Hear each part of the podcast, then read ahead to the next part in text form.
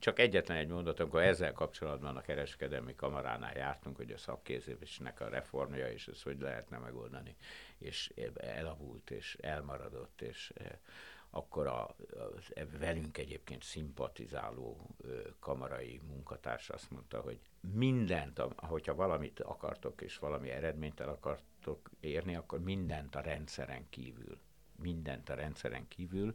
Ezt a szakképzés rendszerét, ez úgy be van olyan szinten be van gyökeresedve, és, és olyan az egésznek a szerkezete, hogy ezt az Orbán Viktor és a Lázár János együttes akarata sem tudja megváltoztatni.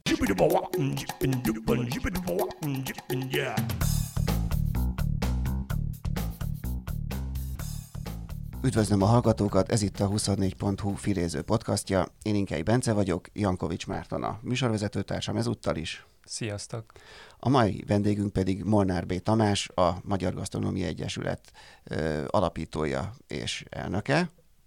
Igen, jó reggelt kívánok! Akit még millió helyről ismerhetnek a, a gasztronómiai iránt érdeklődő hallgatók, Öm, és ezeket, ezeket az állomásokat ö, igyekszünk érinteni is ebben a beszélgetésben, a fontosabbakat, de most a, az aktualitással indítanánk, ami pedig a múlt héten a Michelin csillagok bejelentése volt.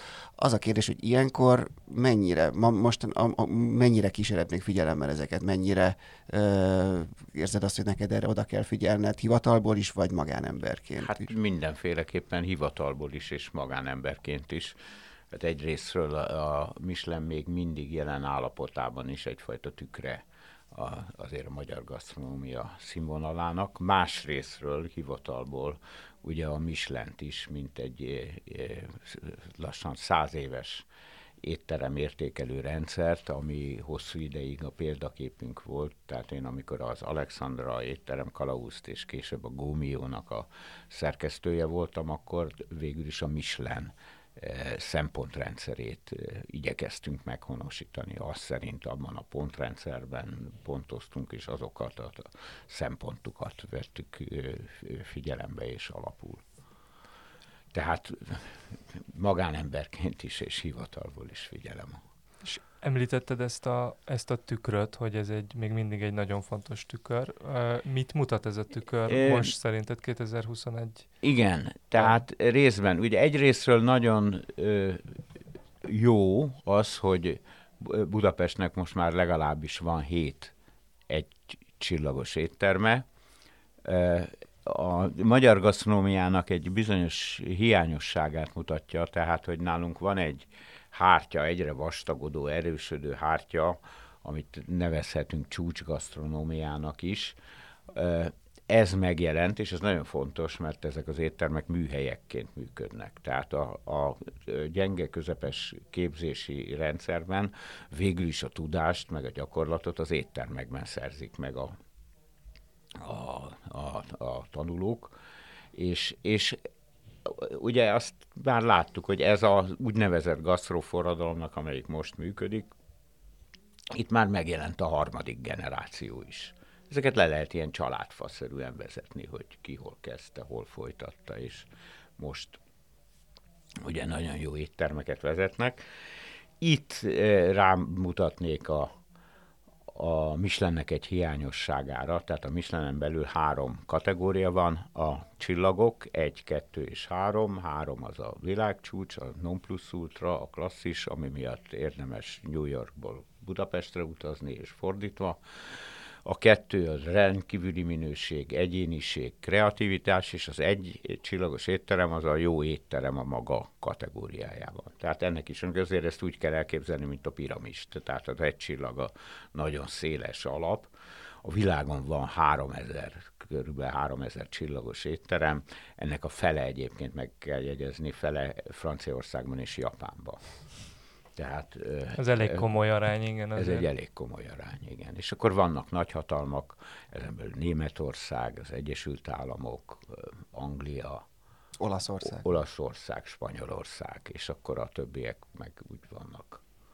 A Michelin egyébként közel sem fedi le az egész világot, tehát nincs Ausztrál, nincs indiai Michelin. Ahol a Michelin jár, ott 3000 csillag van, 2500, csak hogy az arányokat, 2500 egy csillagos, és a többi 500, 300 és 138, azt hiszem az aktuális három csillagosoknak a száma. És bocsánat, hogy itt közbeszúrom, csak érdekel ez a piramis, hogy mennyire nehéz ezen fölkúszni, tehát ugye említetted, hogy az egy csillagos az, nehéz. az alap. Tehát az egy csillagos, még a, az a egy leg... csillagot még lehet.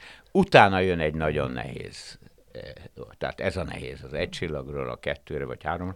A két vagy három csillagot megmondom őszintén gyakran nem tudom megkülönböztetni, nem értem, hogy miért miért nem adják meg a harmadik csillagot X-nek, Y-nak, miért vették el. Például elvették a, a brüsszeli Comchessoától a harmadik csillagot, akkor, amikor a neves, tulajdonos, hajdani főszakács végleg nyugdíjba ment. Ez egy szokása volt a Michelinnek, hogyha bármiféle változás van, akkor leminősít mindig meg is szokták magyarázni a bizonyítványt, hogy ez nem leminősítés, hanem várakozó álláspont. Meglátjuk azt, hogy képesek vagytok-e arra a teljesítményre, mint a változás előtt. Erre azt lehet mondani, hogy ez egy méltánylandó szempont. Igen ám, de ebbe a brüsszeli étterembe például 7 éve a a tulajdonos főszakácsnak a veje főzött.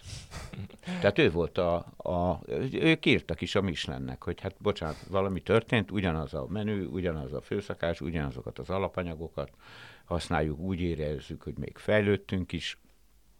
Nem kaptak választ, azóta is két csillagos a hegy. De leminősítették az Éberlent is, akik ugye nagyon miután meghalt az öreg, a Pól, ugye ők is egy elzászi három csillagos étterem voltak hasonló a régen, mint Paul Bocuse 30-40 évig őrizték a ö, ö, csillagukat. Amikor meghalt Paul úr, aki már 20 éve nem járt a konyhában, akkor leminősített. Tehát akkor sokszor személyekhez kötődik ez a csillag. Sokkal személy, hát illetve legalábbis ahhoz, hogy, hogy változás történt az étteremben. Igen. Na most itt a, a, a budapesti Mislennel kapcsolatban, ugye egyrésztről nagyon örülünk én személy szerint annak, hogy a szóltot felfedezték, tehát a szólt az egyik legegyénibb, kreatívabb, ahová érdeklődéssel, tehát megmondom őszintén, hogy a magyar csillagos étterem meg hogy hova megyek, hova járok szívesen, akkor a szóltba, ott mindig valamilyen meglepetés ér, egyéni kísérletek, néha gag formájában, néha nagyon eltalált az étel, de mindig valami,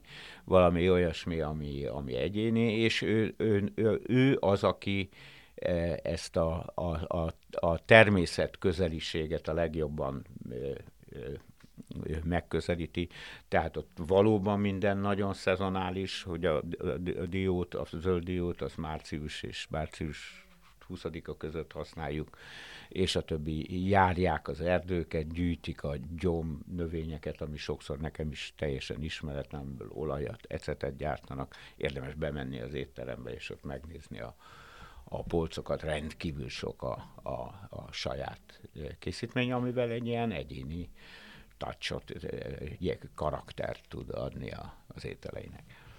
Másrésztről, másrésztről a Michelinben szereplő, azt hiszem, nem tudom, 25 étterem, 7 csillagos és 18 úgynevezett tányér.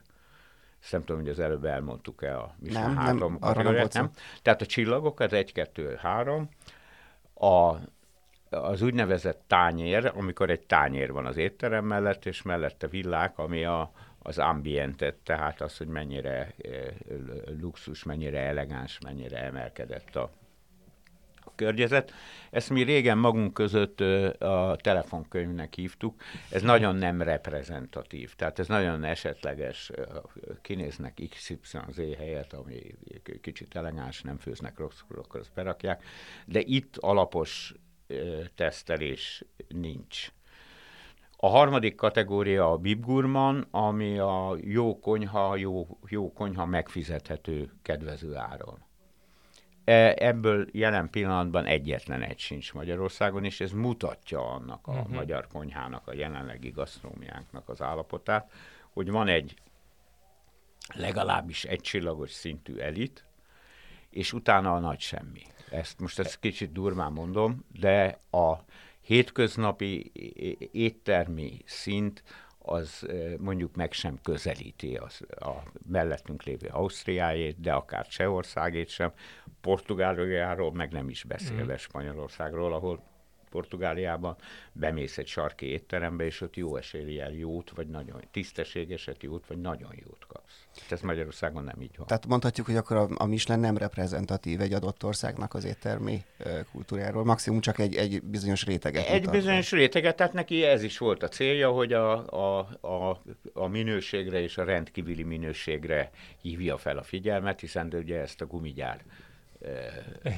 alapította annak idején azért, hogy minél jobban koptas, minél többet koptassák a gumikat, és több gumit lehessen eladni a... Ugye ez, ez azért is volt probléma most, mert most a járvány idején ezek az éttermeknek a nagy többségéről kiderült, ide elsősorban külföldiek járnak, és, és nem a magyar Hát közönség. a Michelin szempontjából az a, így van egyrésztről, tehát hogy az éttermeinknek és a jó éttermeinknek egy része, nagy része, azt mondom legalább kétharmadá, az a turistákra utalt.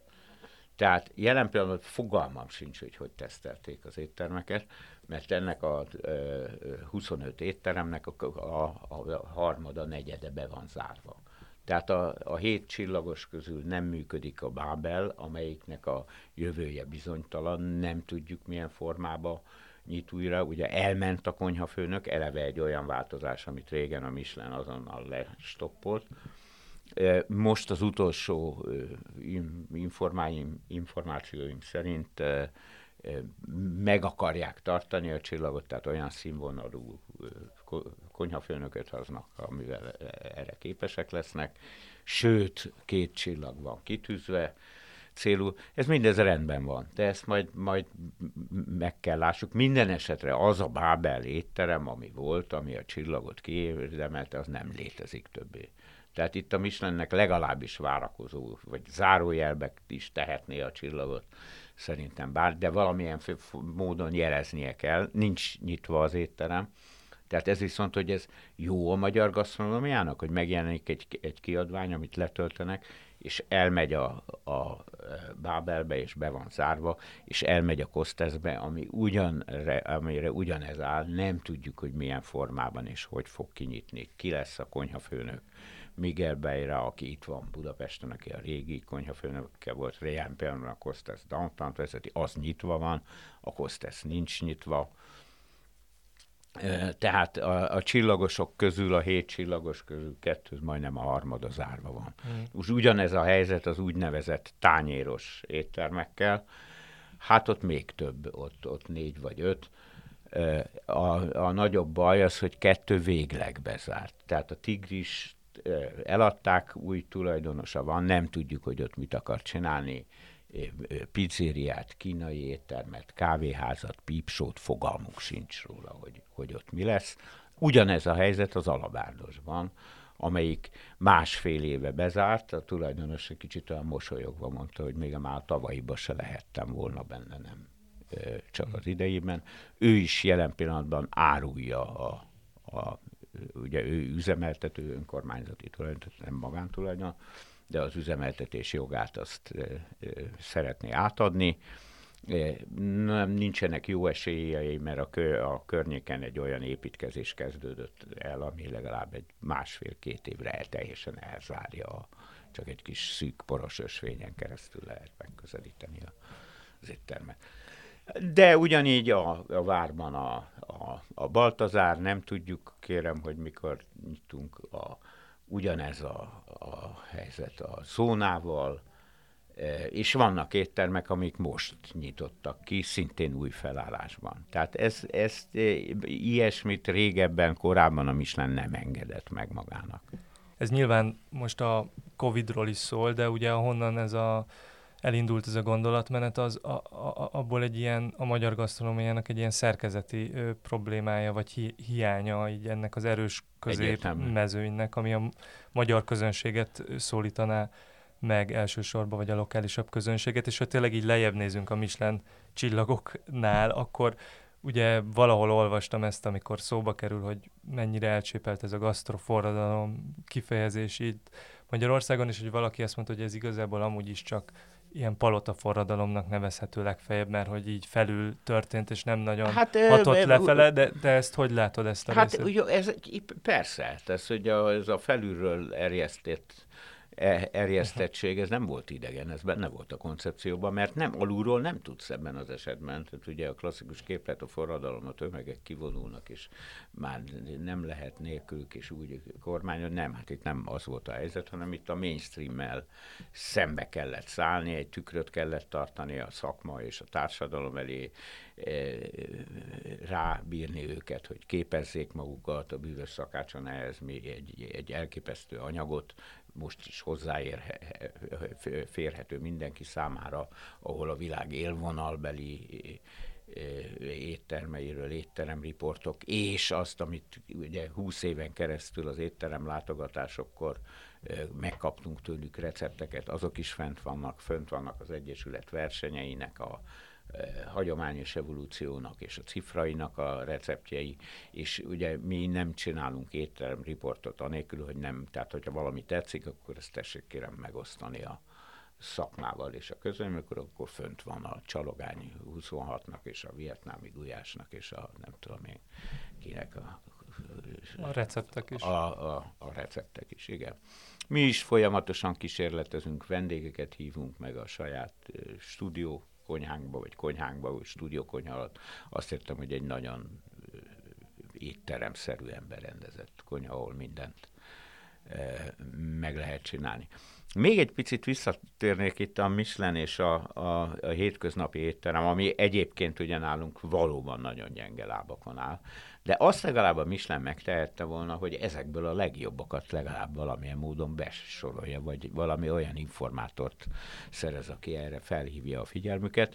Azért ugye elmondanám, hogy a vietnámi gulyás, a, a, az Enzo, a 101 Bistro. kis vajon, vagy bistro, bistro, a Duna Park barbecue, hát ezek, ezek olyan ö, éttermek, vagy olyan ö, részben ilyen street, street food, vagy nevezhetjük alternatív, mi a gumió kalauzva ezt a sem ez, sem az, nagyon egyszerű körülmények között, de nagyon jó konyha, monotematikus, tehát hogy vagy egy-két ételre szakosodott, vagy akár változó étlap, ebbe ezek közül a képeket felsoroltam, mindenféle van. Hát ez, ez, ez egy ismét, ez egy harmadik vagy negyedik nagy hiányossága a Michelinnek, hogy ezekről az éttermekről egyáltalában nem emlékezett meg, nem tud róla, nem vette észre, alulinformált be a bocsánat a kifejezés. Egy másik gyakran, gyakran hallott kifog, vagy kritika volt így a magyar gasztronómiával szemben, hogy túlságosan Budapest központú volt sokáig, és az utóbbi években egyre több jel utal arra, hogy, hogy elsősorban Balatonon, de máshol is vidéken egyre több olyan étterem van, ami, ami ez, látható fejlődés mutat. Ez, ez tökéletesen ezt, így van, most is Budapest központú, de de most már nem az van, hogy egykézen számoljuk a vidéki éttermeket, ahová, ahová el lehet menni. Tehát most már van Szegeden, Pécsen, anyukám mondta, Észak-Magyarország, Balaton is. Tehát most már nagyjából pajta, nagyjából mindent el is mondtuk az ország minden táján, Győrben, a Lamaréda. Tehát most már azért mindenhol találunk kevés kevés. Tehát a zöm a 90 százalék a jó éttermeknek az még mindig Budapesten van, vagy akkor mondjuk, hogy 85. És az is egy gyakran, azt te magad is szoktad említeni, meg, meg más itt a műsorban is vend, lévő vendégek is mondták ezt, hogy Magyarországon még mindig elterjedt az, hogy az emberek az éttermektől azt várják, hogy olcsón nagy adagokat hozzanak. Ez így van. Ez mitől ö, fog ez megváltozni, hogy ne így legyen esetleg? Vagy, vagy lát, van erre bár, bármi jel, hogy ez már ez már változó. Hát van. valamelyes, nagyon kicsit, de, és ugye itt nem akarom a vidéket bántani, a vidéki éttermekben egyértelműen az. Tehát valahogy úgy szocializálódtunk, úgy alakult a dolog, hogy most már nem is az, már arról sincs szó, hogy háromfogásos étkezés, hanem egy tányérral ki, ki kell üssél. Tehát egy tányért eszem, olva jól kell laknom, azon minden legyen rajta. Egyébként hogy ez a szemlélet milyen erős, ez Budapesten is van olyan étterem, aki ráadásul jó is, mert ugye azt ismerjük, hogy a rántott hús az kilóg a szobából, és nem tudom, vitorlázni is lehet vele, meg, meg tudom én, egy dézsa pörkölt. Tehát ezek, ezek vannak, de olyan jó étterem is van, nem régében voltam egy ilyenben, ahol mondtam, hogy nagyon jó konyhátok, korrektül megcsináltok mindent, nagyon jó, jó mártásokat csináltok, munkaigényes, gárnírunkban a kukorica minden formája, a pattogatott, grillezett, polenta, stb. De mondom, egy ekkora adagot, hogy hát meg tudják enni, bizony meg tudják enni a zöme a 75-80 százalék egy tányért teszik. De már az, hogy a maximumon a még nagyobb evők, azok esznek előtte egy levest. Egyébként kevés is olyan, olyan leves van, a, vagy előétel a, a tányéron, ami, ami nem szintén a főételre hasonlít, tehát olyan nagyságú, hogy... Tehát ez, ez egyszerűen létezik. Hogy ennek mi az oka? Hát sok oka van ugye sokszor volt Magyarországon hiánygazdálkodás, éhezés, eh, jött a szocializmus, ott se az áru színessége, hanem inkább az a kevés, ami van, abból sok aztán eljött a Kádár rendszer, amikor ez különösen ebből a kevésből sok volt, és Magyarország beruházhatott a 56 után a mezőgazdaságba, tehát mi voltunk az éléskamra, a KGST Varsói Szerződés éléskamrája, Globus konzervet ettek Dresdában és Vladivostokban is, abból a kevésből nagyon sok volt, az éttermi árak nagyon olcsóak voltak, nagyon kevés dolgot lehetett kapni, ebből sokat ettünk. Hát van is egy ilyen effektus, hogyha egy fél évből leszel, akkor, akkor a monoton is nagyon sokat, sokat, sokat. A, az, hogy kevesebbet enni, az ugye e, e, és észszerűbben, az jön szép, nagyon-nagyon csiga lassúsággal, de jön. A, ebben e, ugye a, a többfogásos menük. Tehát amikor hiába kisebb egy étel, de hát abból ötöt eszel, meg egy degustációs menüben, egy kóstoló menüben 10-13-at. Én voltam olyan étteremben, a, hát elég híres a Ferránadéának az éttermében, ahol 23 fogásos kóstoló menü volt. Meg, még azt is megmondták, hogy ha valami kicsik az adagok, de hogyha valami nem ízlik annyira, akkor azt ne együk meg, mert olyan sok egyébként ez az 23, hogy a végén nem is. Valóban így is történt, hogy hiába, hiába néz ki olyan kicsinek, de igen ám, de 23 van belőle. De hát most is ugye egy étteremben, egy, egy ilyen emelkedettebb szintű étteremben a, a konyhafőnöknek a kóstoló menüje az 8-10-13 fogás. Ez most ilyen átlagos számot mondtam, mikor, hogy. Igen. És ö, nemrég a bűvös szakácson írtatok arról, így tágabban a gasztrokultúráról kicsit ilyen, ilyen kitekintve, és arról, hogy nem csak a úgymond átlagember, most ez nagyon csúnyán hangzik, tekint erre mondjuk máshogyan, vagy lenne szüksége más szemléletre, vagy hogy, hogy általános legyen egy más szemlélet, de hogy arról is írtok, hogy a, az intellektuális elit, vagy hogy mondjam, kulturális döntéshozók, vagy bármi, bármi akik nek mondjuk jó lenne, ha lenne egy ilyen átfogó rálátása a kultúrának erre a részére is, és hogy, hogy az a probléma, hogy még csak nem is tekintik a kultúra legitim részének a gasztronómiát sokan, hanem inkább ö, ezt valamilyen, nem, nem, mert ott a színház, az opera, hát, a, Igen, a ez, egy, ez egy ilyen vita, vitairatnak. cikk volt, valamire válaszoltunk. Hát itt ebben kapcsolatban vita alakult ki, hogy része a kultúráknak vagy sem. Hát mi ugye azt az álláspontot képviseltük, hogy hát része, de nem sok nem minden szempontból olyan, amit kitennénk a kirakatba. Tehát, hogy az egészről való gondolkodás és a, e, amiről az előbb beszéltünk, ez a sokat enni, néhány olcsón. étel, olcsón sokat enni,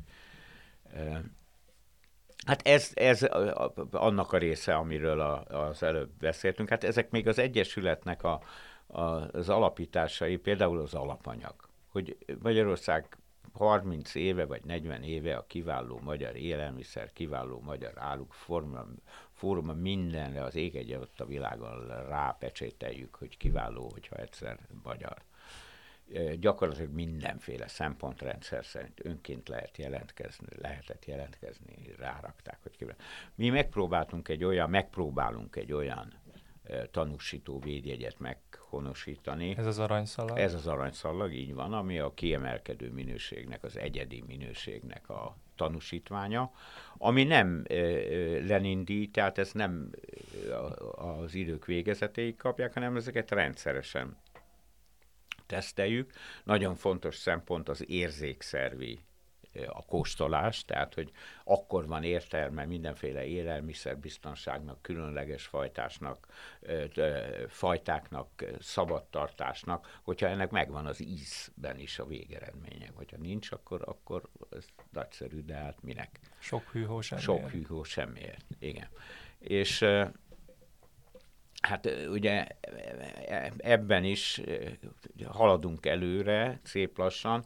Ezt most fogjuk, tehát egy, egy szeretnénk egy unió által és a magyar állam által elismert tanúsító védjegyet véglegesen, mert idáig ez ugyanúgy működött, de ezt kodifikálni kell, az ellenőrzés pontjait, a, mondjuk egy állatnál mi a genetika, tehát hogy olyan hibrid csirkét használunk-e, ami 30 nap alatt két kilósra hízik, mert ugye vannak ilyen ezek a legújabb fejlesztések, ezeket pedig 83 napig szabadon tartják, de hogy természetes táplálkozás, a kiegészítő az, az csak gabona, vagy csak növényi, és ennek a 75%-a gabona lehet.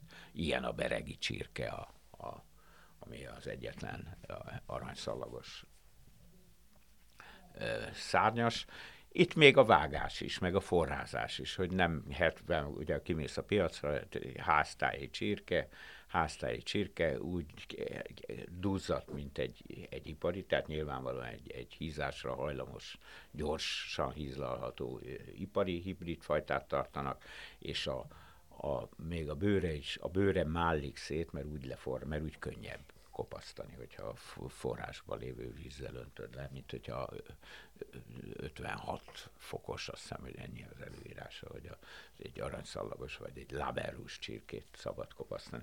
Tehát egy ilyen a, a tartásnak minden pontjára kiterjedő szabályozás, ahol mindenkinek a, a takarmány előállítónak, a vágóhídnak vállalnia kell azokat a plusz azt a pluszt, hogy egy, egy, egy ilyen terméket, ami ugye a, a francia törvény, vagy ezt mi is át szeretnénk át fogjuk venni, hogy ez még az egyszerű polgár számára is nyilvánvaló kell legyen a, a, a különbség a tömegtermék és a, az aranyszallag vagy laberrus termék, tehát a kiemelkedő minőség. És ezt mennyire látjátok, hogy ez mennyire ment át az utóbbi évekbe, tehát hogy, hogy, hogy me, me, mert ugye ennek akkor van egy ilyennek értelme, az tényleg egy igazodási ponttá válik, hát, mint hogy a francia példa Franciaországban ebben társ volt az állam, és nagyon hosszú ideig úgy nézett ki, hogy Magyarországon is az állam társ lett. A miniszterelnök úrnak is írtunk levelet, aki visszajött és köszöni, mert hogy fontos dologra hívtuk fel a figyelmét, és XY államtitkár fog jelentkezni ezzel kapcsolatban, jelentkezett is. Igen ám, de azóta 24 államtitkár volt ezen a poszton, vagy más poszton. Mindig sajnos az volt, hogy valaki, valaki megérti a dolgot, addigra fölfelé, vagy lefelé, vagy oldalt bukik, vagy más mm. hova megy, most nem kell bukjon feltétlenül. Ez az első államtitkár, ez speciál, ez fölfelé bukott tehát akkor ezt a szerves építkezést, a, És az előző lenne... minisztériumban is, hiszen ők fizették be a, a, a, a logó díját az előző földművelési minisztérium. Jelen pillanatban egy kicsit megállt a dolog. Mi csináljuk tovább? Tehát mi gyakorlatilag majdnem, hogy készen vagyunk azzal a kodifikált tervezete, működési szabályzattal, ezt hivatalosan így hívják, tehát az aranyszalag működési szabályzata, amit először a, a szellemi jogvédő hivatalnak kell benyújtanunk, és aztán az Unióhoz és akkor ez a, utána automatikus a magyar állam és az unió elismerése, ekkor ezek a, a, a, a, az aranyszallag aspiránsok és tagok pályázhatnak, tehát komoly uniós támogatást kaphatnak, uh-huh. és hát remélhetőleg az elismert ségük is, a PR is ezt valamilyen módon megkönnyíti. Hát ebben volna az államnak szerepe, tehát hogy az ellenőrzésnek legalább az állategészségügyi részét, a nébih átvegye, az érzékszervi teszteket azt mi megszervezzük, szakkereskedőkkel, étterem tulajdonosokkal bevonunk egyszerű fogyasztót is, ugye, mert fontos az, hogy ez ne egy öncélú valami legyen, hanem mindenki számára egyértelmű legyen, hogy itt valami más minőségről van szó. Így van értelme támogatni. Na hát ezek azok a termékek, azok az ilyen színvonalú, vagy ezt megközelítő színvonalú termékek, amire egy gasztronómiát, egy egészséges gasztronómiát építeni lehet. És akkor ezeket természetesen a, ezeket az örökölt receptúrákat, meg ismert ételeket, ezeket is karban kell tartani. Tehát a legjobb alapanyagból, a legjobb technológiával e, megcsinálni, de gasztronómiát, igazi színes gasztronómiát arra lehet e, építeni, hogy most képzeljünk el egy, egy ilyen termékkosár, amit a szezon nyújt, és akkor ezekkel a, ezekkel a rendelkezésre álló alapanyagokkal remélhetőleg minél színesebb, minél ugye bővül, nem csak azt a három gyökérzöldséget ismerjük, hanem akkor majd az édesköményt is, meg a fekete gyökeret, meg a, a, a jó ízű cukkinit, a három-négyféle különböző, egyik erre alkalmas pürének, a másik grillezni, e, stb. A fűszernövényeket, a, a tehát ezeknek az alapanyagoknak, a szezonalitásnak az ismerete, és az ehhez kapcsolódó, az ezt uraló technológiai tudás. Ebből lehet konyhát csinálni, és ez a mi további feladatunk is, ez már a, ez az evolúciós része ennek a gasztroforradalomnak, vagy gasztropalotta forradalomnak, hogy ezt valaki mondta. Logikus, de egyébként persze, de hát ez nem, ez nem egy, egy ellenérv, hát nem ne, volt más. Azokat az embereket lehetett, meg, meg akik erre hajlandóak voltak. Igen, szerintem a... nem is ilyen kontextusban, vagy nem is ilyen szándékkal hangzott el, tehát nem is ellenérvként, csak inkább egy pontosításaként annak hát a képnek. Hát ezt is ugye hogy... a média, a sajtó találta ki, ragasztotta rá igen. erre a folyamatra, hogy gasztroforradalom. Igen, valamilyen módon kifejez gasztró ellenállás, gasztró reneszán, gasztró ébredés, nevezhetjük akár, hogy gasztroforradalom az ilyen frappásabb, meg rövidebb, ha nem is fedi a teljesen. A... Igen, de hát akkor mondhatjuk, hogy ez most már egy 20 éves történet, hiszen a 2000-ben jelentek meg 2003-ban az első... 2003? 2003-tól 2011-ig vagy 12-ig írtunk a Magyar Nemzet. De írta, írtatok, bocsánat, egy, egy 2000-es cikkről, van, ami ez a lesz-e új magyar konyha. Lesz-e új igen. magyar gasztronómia, vagy új, vagy magyar, új magyar gasztronómia, igen. így van, így van. És lett? Akkor ilyen értelemben most így, ha visszanézel hát, 20 ö, ö, ott tartunk, ahol tartunk. Hát ö, minden esetre ö, sokakban tudatosult, hogy, hogy igenis van mit tanulnunk. Hát ugye ott akkor ugye a, a, a helyzet az azt hittük magunkról, hogy a, a magyar szakácsok a legjobbak a világon, hogy a magyar gasztronómia az méltán világhíres, ezek voltak az örökös eposzi jelzők, méltán világhíres magyar gasztronómia, a szakma megvezette a döntéshozókat, a döntéshozóknak fogalma nem volt arról, hogy mi a valós helyzet. És ebben a helyzetben ugye egyetlen egy olyan étterem nem volt, aki a közelébe férkezhetett volna a Michelinnek. Az akkor még hitelességének teljében lévő Michelin étterem kalauznak.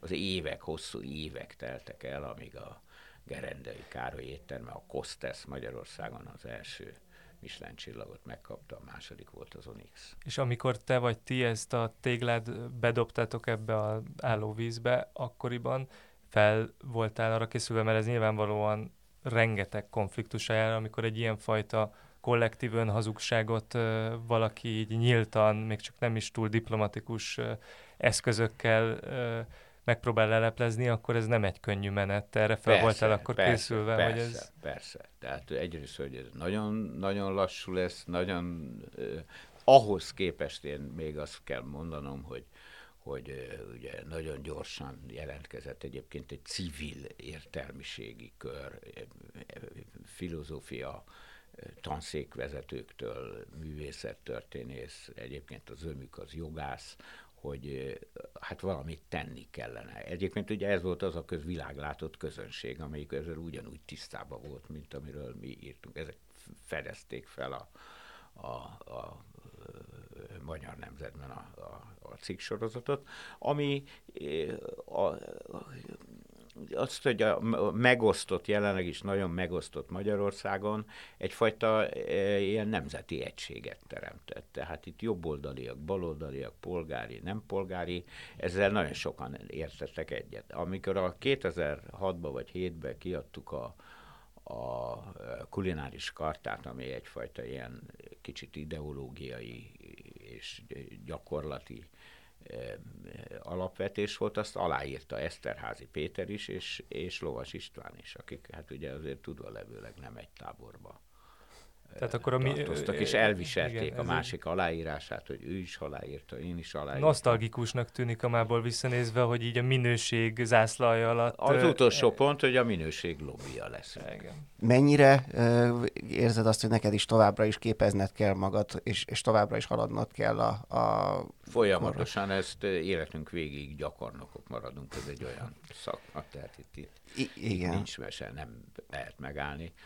Uh, a, tegnap este Takács Lajos barátunk nálunk, barátom nálunk vendégeskedett, és ugye megjelent két új könyv, az Ellen Ducasse-nak a Naturality, a természetesség, a természetnek a szakácskönyve. Ellen Ducasse-ról azt kell tudni, hogy a, jelenleg azt hiszem, hogy talán neki van a legtöbb csillaga a világon. Tehát azt hiszem, mint egy 21 csillaga van, tehát van több három csillagos étterme, két csillagos, egy csillagos étterme, és kiadott egy könyvet. Ő, nem, benne is van egy ilyen nagy fordulat, teljesen húsmentessé kezd válni a konyhája, viszont hát a, a tenger, a halakat és tengergyümölcsét minden formájukban, minden részüket feldolgozza, a pikkelyeket megfüstöli, és azzal készít, vagy nem, és a, a uszonyokat. uszonyokat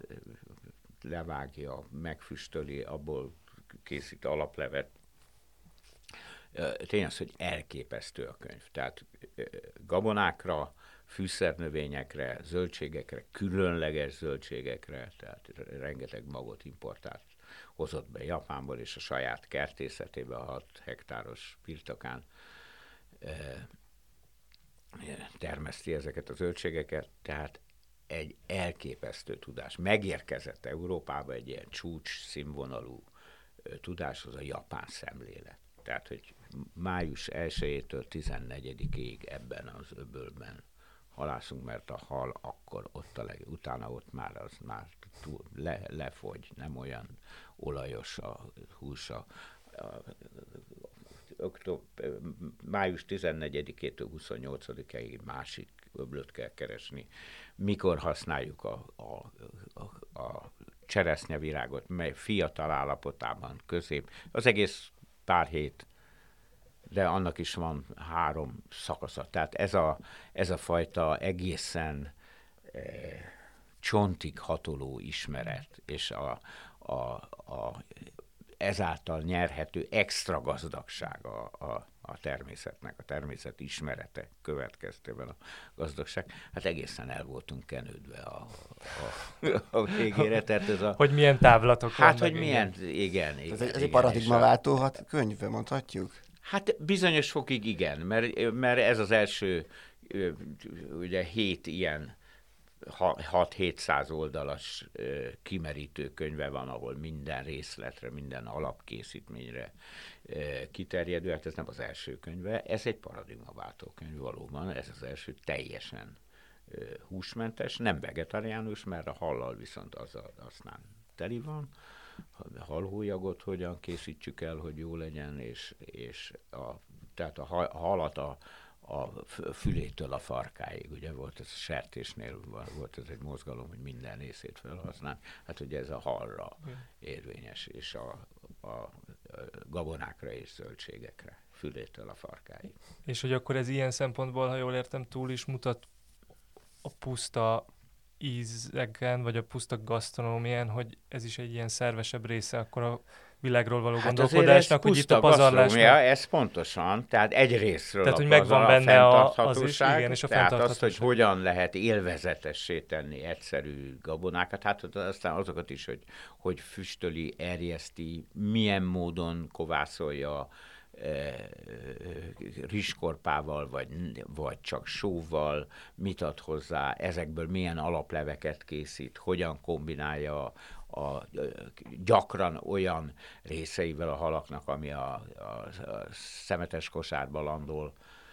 Ugye itt is a halnál is van egy Josh Neeland volt ennek a, a, az első apostola, aki aki a halakkal kapcsolatban, és a halak tartása és érlelése, és hogy minden részüket, a csontjukat is, a gerinceket, csontokat is felhasználni a bőrt és mindent, és ezekre nagyon jó megoldások vannak. Tehát ez végül is nem arról van szó, hogy, hogy a, mint a ré, régebben, hát sajnos most is a menzákon minden maradékot beledolgozunk, és akkor abból hortobágyi húsos palacsinta lesz, hanem egy, egy tudatos a minőséget, a kiemelkedő minőséget keres. De ugye az a jó, hogy akkor ez a két szempont, a fenntarthatóság és a csúcs Így van. Hát egyébként a szólt, a szólt erre egy, ugye egy példa Magyarországon. Uh-huh. Tehát itt van egy ilyen hasonló szemlélet nem teljesen ide tartozik, de a te életrajzodban mindig az, arról annyit lehet tudni, hogy te zenészként 80-as években Nyugat-Berlinbe kerültél, és ott, ott, ott, ott kezdtél el ott, ott kerültél a gasztronómiával kapcsolatban? Nem, nem egészen, nem egészen? már korábban Már na ezt akarta, erre voltam kíváncsi, hogy, hogy korábban is volt-e neked ez? Persze, persze, persze, korábban is, igen. És akkor az mit jelentett? Tehát milyen, mennyire volt? Tehát... Hát szenvedélyesen főztünk, barát volt egy baráti kör, összejártunk, hol ez főzött, hol az főzött, hol az főzött, mert már gimnazisták voltunk, ugye érdekes, tehát a, a politika, a futball és a főzés, mi erről beszélünk. Ez az olaszos, ez az olaszos szemlélet, igen. igen és akkor viszont rockzene. Igen. igen, igen, igen. És akkor Nyugat-Berlinbe kikerülve, akkor azért akkor ott történt egy szint, Én Nyugat-Berlinbe fejeztem be a zeneművészeti főiskolát, és ott bekerültem egy úgynevezett lakóközösségbe, Vongemeinschaft, mi egy házat béreltünk, aminek 15 szoba volt, 15 fél lakta a három emeletes villát, volt egy óriási közös konyha, amellett egy társalgó, én ott gyakoroltam, nagybőgöztem, és ha már itt van a konyha, akkor ott elkezdtem főzni a, a, a társaság. Közösen szereztük be az alapanyagokat, és ugye egy ilyen lakóközösségben, egy, ugye magyarul szokták kommunának is hívni ezeket, ugye Németországban meglehetősen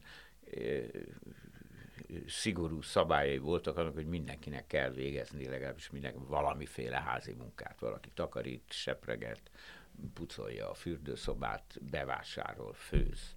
És akkor eltelt egy idő, és a, a bölcsek tanácsa összeült, és akkor ezek mindig ilyen kötetlen borozás közben történő beszélgetések voltak, és mondták, hogy akkor Tamás, hát te ö, szeretsz főzni? Hát mondom, igen, igen, ugye mindig ugye 15 emberre főztünk, és akkor plusz még 5-re, jön kb. 20-ra, mindig jött vendég, valamilyen régi lakó, vagy valakinek az ismerőse, vagy betoppant, tehát mindig, mindig többen voltunk, mint, mint 15 20 emberre, hogy akkor hogy az egy deal volna-e, hogy te főzöl mondjuk kétszer vagy háromszor egy héten, és minden más alól föl vagy. És akkor hát így alakult a dolog. Én rettenetesen élveztem. E, már ugye egy Nyugat-Berlinen is egy piac, ugye ott van török piac, kínai piac, a piac is sokkal sokszínűbb, a padlizsán nem csak egyféle ez a pufasztott nagy, hanem vékony, jó ízű, nincs magja, ezek Törökországból jöttek. Tehát egy egész más e, e, alapanyag, két márka volt egy kiló, fekete kagyló, az ott az egyik minden héten volt fekete kagyló így, vagy úgy, paradicsommal, fehérborral, vagy muklád, vagy valamilyen formában. Én, én ugye ezt nagyon szerettem, és a berlini éttermi világ már akkor ugye nagyon színes volt, és ott működött a Le Maître nevű étterem, az Henri Lévinek az étterem, ez egy két Michelin csillagos étterem volt. Nem biztos, hogy szerencsés időszakban volt ott Berlinben. Berlin akkor egy ilyen forrongó ez a lakásfoglalási mozgalomnak már, már lecsengő része volt, de még ez, ez élt, ezek a foglalt. Ez a 80-as évek. 80-as évek elejéről, 83 és 86 között értem Berlinben. Akkor már, már, már a szenátus és a házfoglalók között már sok helyen megállapodás született. Házfoglalóra ugye azt kell tudni, hogy hogy Berlinben lakás ingatlan spekulációs okokból nagyon sok házat lepusztítottak azzal, hogy ezeket lebontják, és ott modern lakóházakat, meg szállodákat építenek.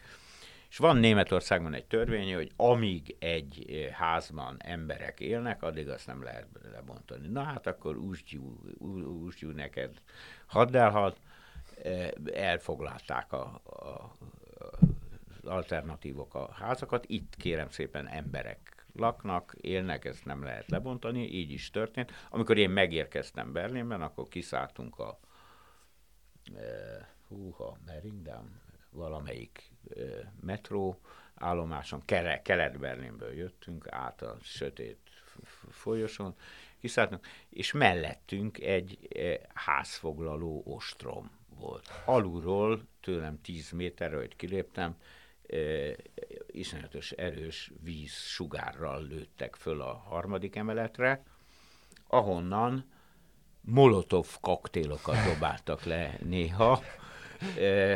De akkor nem a molotov, molotov koktél mellettem 15 méterre egy rendőr mellett esett le, aki azonnal meggyulladt azt hittem, hogy szélütést kapok, hogy ott helyben. És nem érezted azt, hogy akkor visszafordulsz, Be, és inkább vi- vi- visszamész hát, Egyre meg voltam dermedve.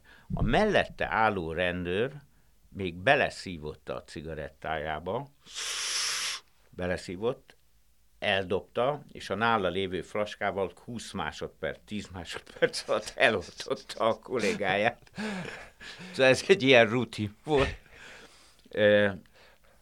És hát ezt most azért elmesélem itt avval együtt, hogy nem a legszebb szó, és a rendőr, akit, aki meggyulladt, az, az pedig annyit mondott, sájszer, ez egy német kifejezés, mondjuk a fene enné meg a teringettét a dolognak.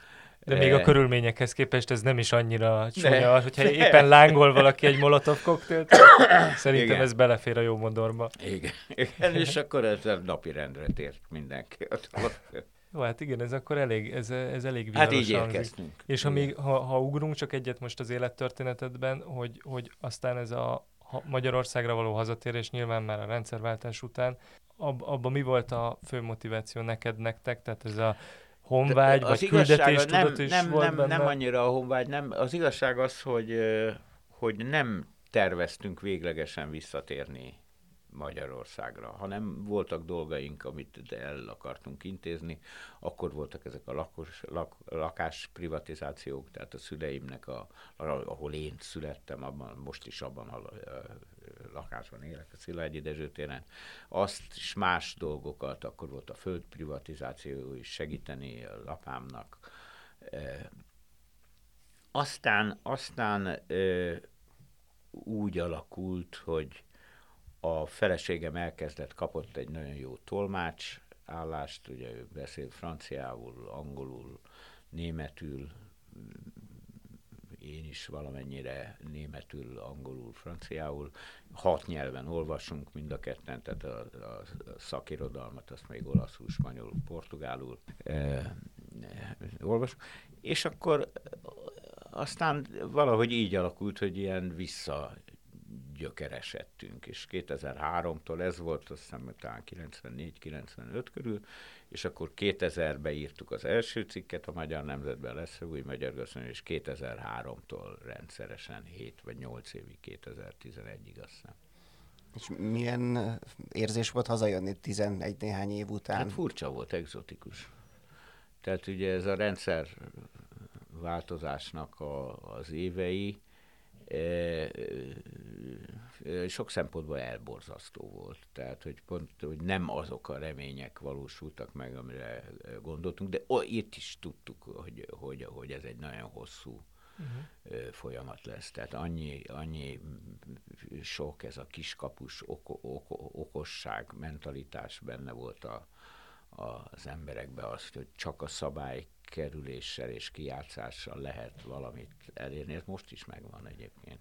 Tehát ezt olyan gyorsan nem vetkezzük. És nyilván ez azt gondolom, hogy egy ilyen éttermi tányérban nagyon tisztán lecsapódik, de hogy ebbe egy az egész nagyon, társadalmi nagyon, gondolkodás nagyon. Tehát itt, itt még nehezebben. Tehát előbb változtat törzspártot a, a, a, a magyar polgár, az se könnyen egyébként, mint hogy az étkezési szokásain változtasson. És hát ugye ez a 90-es évek eleje, közepe, ez, ez, a, ez akkor az az időszak, amikor amikor még ugyan, tehát a Kádár korszakból megöröklött vendéglátás maradt itt. Hogyne, hogyne. Hát ezért kezdtünk el írni. Igen. Ez, ez még jóval tovább. És akkor nem volt, Él. akkor nem volt egyébként, a 90-es években nem voltak ilyen partizán akciók azért, tehát voltak olyan éttermek, amire érdemes visszaemlékezni például a korszakból, hogy így megpróbálkoztak Hú, újra, de rég nem. volt, atya úristen.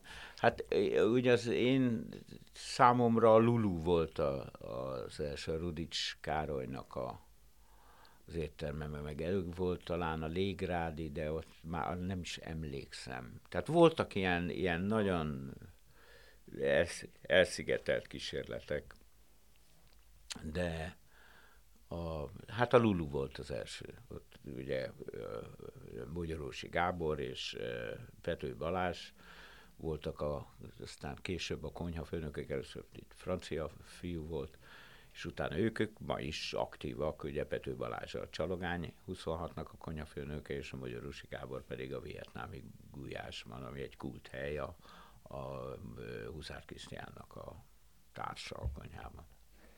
És egy kicsit visszatérve ahhoz, hogy itt vagyunk 2021-ben, ugye egy ilyen járványnak remélhetőleg a lecsengő szakaszában, ami nyilván a gasztronómiát, meg a vendéglátást általában különösen érzékenyen érintette ugye rólad is lehet tudni, te is, ti is így szerettek utazni, és rajta tartani a szemeteket a világon, nem csak könyvek formájában nyilván, hanem ez kóstolással működik ez is a legjobban. Ezt mennyire sikerült újra felvenni ebben a ritmusban? Hát egyelőre sehogy, majd most uh, októberbe utazunk el Spanyolországba, ha minden igaz. Ha minden ha igaz, minden igen. igaz.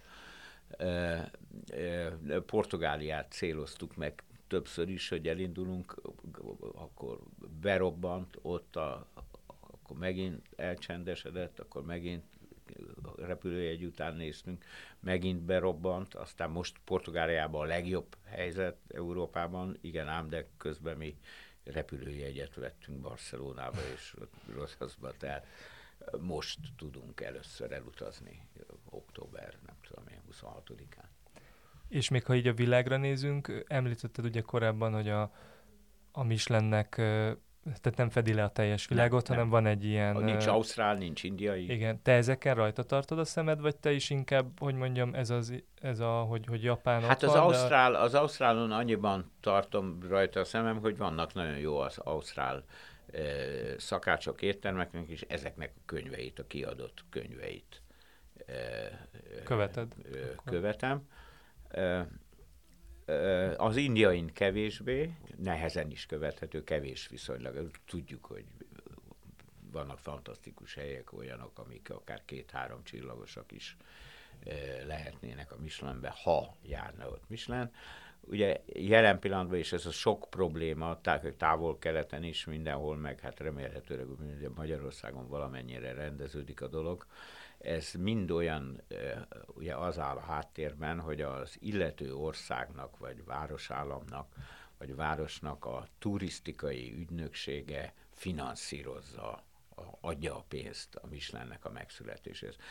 Ez most már eleve egy olyan ellentmondás, amikor egy ügynökség, amelyik abban ér, érdekelt, és az a feladata, hogy egy eh, országot reklámozzon, hogy a, bemutassa a vendéglátását, vagy a turisztikai lehetőséget. Ez a dolga, ezért hozták létre. No de, amikor ez adja a pénzt egy független, a függetlenségére hosszú ideig kínosan ügyelő, ö, ö, étterem értékelő intézménynek a, a, kezébe a pénzt, ez nem szül jó vért, és ez nem szült jó vért Szöulban sem, és, és Hongkongban sem, és Sánkhájban sem. Tehát ezeket nagyon-nagyon sok kritika éri a helyi szaksajtó, a helyi foodik, és van egy ilyen első számú civil inspektor nevezett Andy Eiler, ő egy angol informatikus, akinek az a becsvágya, hogy a világ valamennyi háromcsillagos éttermét meglátogassa, meg is látogatta, 1920-ban elérte azt a számot. Persze ez egy állandó verseny. 2020. 2020. 1920-at mondtam? Igen. Tegnapi interjú. Igen. Én nekem még csak egy, egy visszautalva jutott eszembe egy kérdés, hogy említetted az elején, hogy van most már három generációja magyar gasztronómiának, és most említetted az előbb is ezt a két nevet, akik már a 90-es években itt voltak, tehát a Pető Balázs és a Magyarósi Gábor. Igen. Ők az első generáció, akkor jól értem, mondhatjuk? Igen, igen. És akkor hogy lehet, csak hogy egy, egy ilyen rövid, hogy így nagyjából ugye a, a hallgató is így tisztából esre, hogy hát ez még ehhez az első generációhoz tartozik a Takács Lajos, az olimpia. Volt olimpia, igen. Most is a második generációnak lehet a, a Bernard Danit, aki most a Szaletli étterem, az Ádám Csabát, aki a jelenlegi olimpia, és a harmadik generáció, és a teljesség igénye nélkül, csak azért, hogy neveket. A harmadik generáció az a, a Ruf Dávid, aki az Enzo étteremnek a konyhafőnöke, a Kovács Renátó, Huszár Krisztiánt, azt inkább a második generációba raknám vissza, vietnámi gulyás, és ugye Fáma ismerjük, ugye egy ismert valaki. Tehát így alakul a dolog, és hát e, végül is erre is számítottunk, ez volt a felülről erjesztésnek a koncepciója, hogy, hogy egyre több ilyen szakácsunk lesz. Várvízi Péter is első generáció inkább nem szoktunk ebbe a podcastbe ilyet itt a végén, de most így eszembe jutott, hogy engem is tökre érdekelne, és akkor biztos a hallgatókat is, hogy amúgy, hogyha valaki, aki nem a gasztronómia világából jön, de érdekli ez a dolog, és hát ugye ilyenkor könnyen úrá lesz így a tanácstalanság az emberen, hogy, hogy hol, hol kéne ezt be, be, becsatlakozni, vagy mélyebbre menni, és hogy te, neked magyar nyelvű kiadvány egyet vagy többet tudsz olyat mondani, mivel érdemes hát, mindenképpen, mert nem, bocsánat, nem lehet mellé nyúlni a vele? főzés tudománya ja, 6 vagy 7 Igen. évig adaptáltuk, ez egy francia engedélyezett tankönyv, amire megkaptuk az engedélyt, hogy ezt adaptálhassuk. Ugye nagyon sok olyan közép-európai magyar vonatkozást vittünk be a könyvbe, ami nélkül értelmetlen. Ugye a könyv szerkezetéről azt hadd mondjam el, hogy ez is egy olyan 700, nem tudom én, 80 oldal, amiből 680 oldal részletesen a, e, e, elemzés bemutatja a technológiákat lépésről lépésre. Milyen hibára figyelj, mit követhetsz el, hogy nem lesz jó. Ha elkövetted, ezt hogyan javíthatod ki? A technológia bemutatva. Utána hogyan alkalmazták ezt a világ élvonalbeli szakácsok, milyen módon, milyen ételekre milyen variációs lehetőségek lehetnek, milyen más alapanyagra kicsit módosítva. Tehát egy rendkívül részletes bemutatása egy technológia, és amikor mondjuk azt, hogy brezírozás, ezt magyarul nem tudom, hogy hívják, szakaszos párolás. Tehát amikor egy nagyobb darab húst körbe pirítunk, ezt alaplével, sűrített borral, majdnem úgy döntjük fel, hogy ne fedje el, ne lepje el teljesen, lefedjük fűszernövények, kakukkfű, babérleves, stb.